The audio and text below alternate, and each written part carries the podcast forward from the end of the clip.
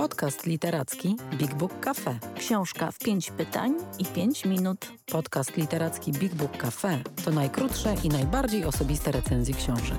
Co dwa tygodnie rozmawiamy o jednej. Pytamy wprost, a odpowiadamy szybko I szczerze.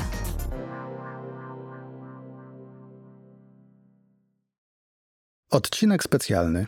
Książka na bezsenną noc. Witajcie w odcinku specjalnym podcastu Książka w 5 pytań i 5 minut.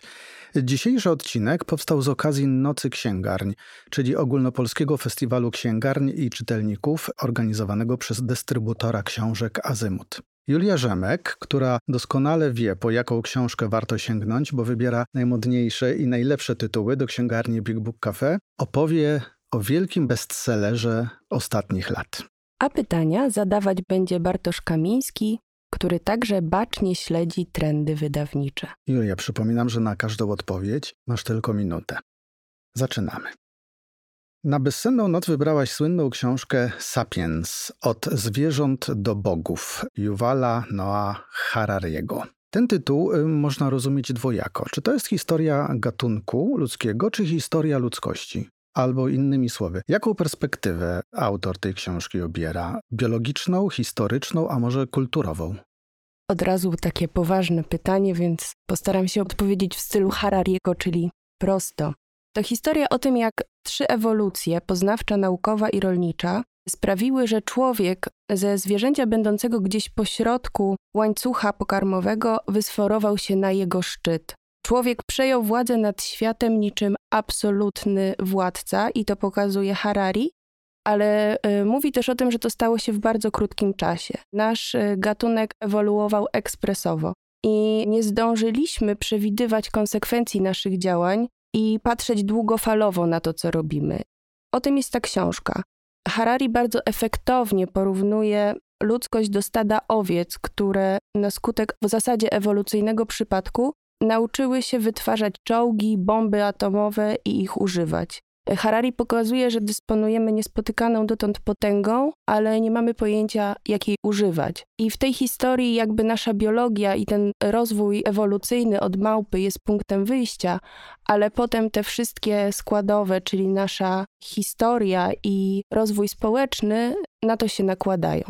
Czy Opowieść w tej książce autor prowadzi na przykładzie całego świata, całego globu, czy koncentruje się lub przynajmniej wyróżnia jakieś konkretne regiony?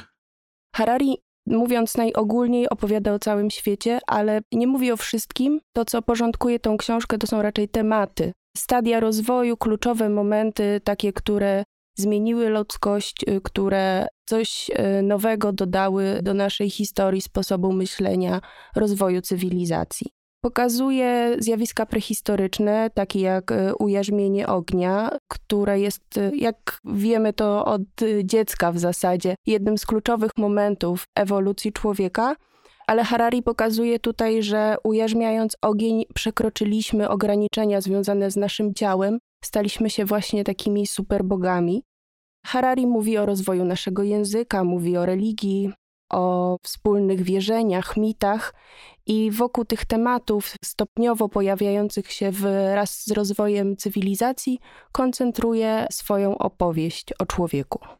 Ale to wszystko brzmi jak bardzo szerokie ujęcie dziejów człowieka. Czy zawarta w tej książce wiedza nie przytłacza czytelnika i czy to w ogóle jest książka naukowa? Ja jak stawiam tą książkę y, w Big Booku na półce, gdybym miała taką półkę, postawiłabym ją y, w książkach popularno-naukowych i pewnie wiele osób tak robi. W Big Booku stoi ona w takiej kategorii esseje, bo to jest po prostu wielka opowieść. I dla mnie ta książka nie jest książką naukową, jest świetną literaturą. Harari pisze w pasjonujący, absolutnie wciągający sposób. Ja jestem naprawdę pod wielkim wrażeniem tej opowieści. On wspaniale kontroluje język. Udaje mu się w jakiś magiczny sposób unikać naukowych terminów, nie przytacza tam żadnych definicji, a przy tym jest bardzo precyzyjny. I Sapiens jest książką pełną informacji, pełną wiedzy, ale nie przytłaczającą. Ja czytając ją mam ochotę iść w nią dalej i dalej i co więcej sięgać po kolejne części, czyli Homo Deusa i 21 lekcji na XXI wiek. A czy w tej książce Harari e, jedynie referuje zastane fakty i teorie, czy również wprowadza własne interpretacje? Wielkim talentem Harariego jest taka umiejętność syntetyzowania wiedzy. On z różnych dziedzin e, zbiera szczegóły i układa je w jedną spójną opowieść.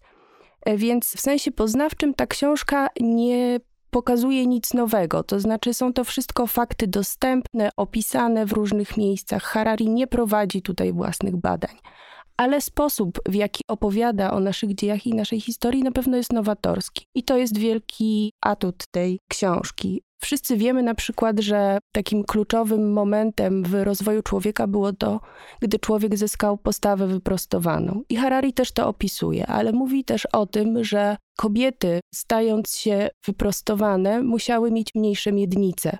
W związku z tym trudniej im było rodzić dzieci, i te dzieci, które rodziły, nie były do końca ukształtowane, nie mogły żyć samodzielnie. To doprowadziło do tego, że ludzie zaczęli tworzyć społeczeństwa, by wychowywać dzieci. W tych społeczeństwach rozwijał się język, który stał się kluczem do naszego rozwoju poznawczego. I dosłownie na połowie strony ta historia opisana przez Harariego daje nam taki błysk wiedzy na temat tego, jak dużo małych elementów doprowadziło do tego, gdzie dziś jesteśmy. I to jest y, wspaniałe w tej książce. To na koniec, y, komu przede wszystkim byś poleciła tę lekturę? Oczywiście wszystkim, którzy y, cierpią na bezsenność. A mówiąc serio, ja dosyć długo miałam tą książkę na swojej półce i tak się zbierałam, żeby po nią sięgnąć. E, zrobiłam to stosunkowo niedawno, więc w moim wypadku jest to nadrabianie zaległości, ale myślę, że też zbiegło się na to dużo informacji, które wciąż nas e, zalewają na temat zmian cywilizacyjnych związanych z globalizacją, z, z wiadomościami, które napływają z całego świata na temat destrukcyjnego wpływu człowieka na środowisko. I uznałam, że to jest dobry moment, żeby tą książkę przeczytać, żeby spróbować zrozumieć więcej i żeby postawić sobie nowe pytania. I myślę, że to jest książka dla wszystkich, którzy troszczą się o los naszej cywilizacji, którzy e, myślą o tym, co będzie jutro. A dodatkowo myślę, że tą książkę powinni przeczytać też wszyscy ludzie, którzy pracują w mediach, bo to jest temat, czyli przyszłość cywilizacji, który powinien nas zajmować nieustannie. Dziękuję, biorę to sobie do serca.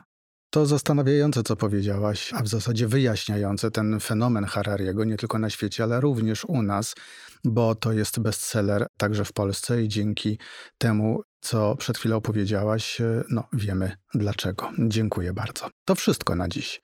A w następnym odcinku to Julia będzie zadawać pytania Annie Król, która opowie o wciągających norweskich kryminałach.